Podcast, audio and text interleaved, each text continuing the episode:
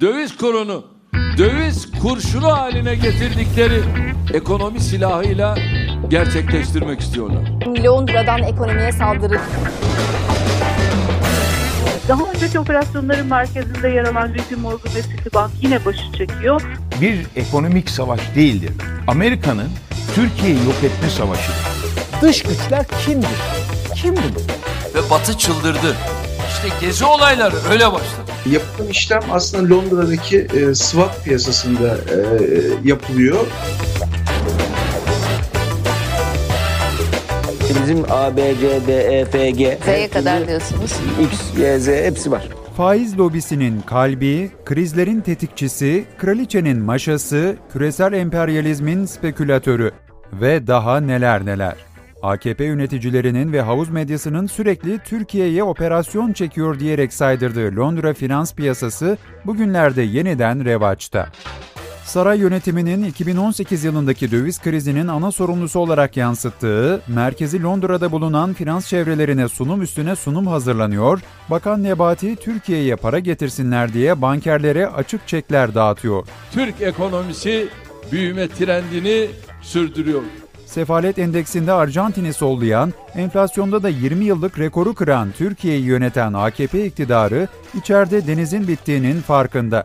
Dış güçler söylemini miting alanlarında kullansa da gerçeklerin çok farklı olduğunu biliyor, yani oyunu kuralına göre oynamaya çalışıyor. Dünya piyasalarına yön veren finans merkezlerinden Londra'nın kapısını aşındırıyor, küçük bir toplantı organize edebilmek için iş adamlarından ricacı oluyor. Hafta başında İngiltere'ye yaptıkları ziyareti de büyük başarı olarak sunuyorlar. Türkiye Cumhuriyeti'nin son iki yıldaki e, göstermiş olduğu başarılı performans burada bulunan bütün yatırımcıların doğrudan ilgisini e, çeken bir sonuç doğurdu. Oradaki yatırımcı gözlerinden anlıyorsunuz. Gözler gerçekten önemli. Anlıyorsunuz duruşundan, bakışından, e, ayağa kalkıp gidişinden. Aslında ziyaret için geri planda büyük çaba sarf edildi. Londra'da Doğum Grup adında tabelası dahi bulunmayan butik bankanın sahibi iş adamları Hüsnü Özyeğin ve Ferit Şaheng'e yatırımcı getirme görevi verildi.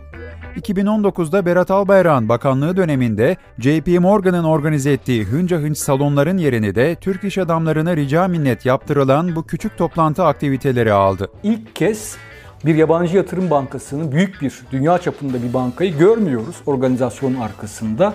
Sadece işte küçük bir Türk bankasını Londra'da faaliyette bulunan bir bankayı görüyoruz. Bu aslında uluslararası yatırım kuruluşlarının Türkiye'ye yönelik ilgisinin azaldığının bir işareti. Ziyarette dikkat çeken bir nokta daha var. O da geçmişteki yaygın uygulamanın aksine Londra'ya Merkez Bankası'nın başkanı Şahap Kavcıoğlu dahil hiçbir üst düzey yetkilinin götürülmemiş olması. Amerika Birleşik Devletleri'ndeki Merkez Bankası kamunun değil ki. Beş tane aile. Anlaşılan ABD Merkez Bankası Fed ile ilgili Türk televizyonlarına komple teorilerini boca eden Bakan Nebati, Türk Merkez Bankası'nı da pek umursamıyor. Diğer yandan toplantılara ilişkin kulisleri haber yapan Bloomberg'e göre yabancılar da onu anlayamıyor. Bizim Hazine Bakanımız gidiyor Londra piyasasına, zamanda dış güç dedikleri piyasaya koşa koşa gidiyor. Bize borç verin, bize dolar verin diyor. Kimse oralı bile olmuyor.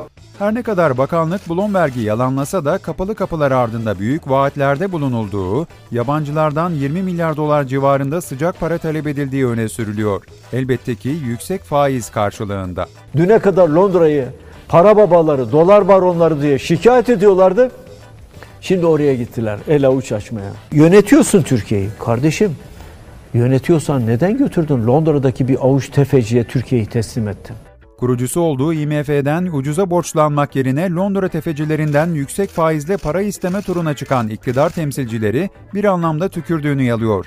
Kur saldırısı, yurt dışı kaynaklı döviz kumpası gibi afili cümleleri kurmak içinse muhtemelen bir sonraki seçimi bekliyor. Biz iki büyük kur saldırısına yedi düvele meydan okuduk diye konuşuyor. Bu da beni hasta ediyor.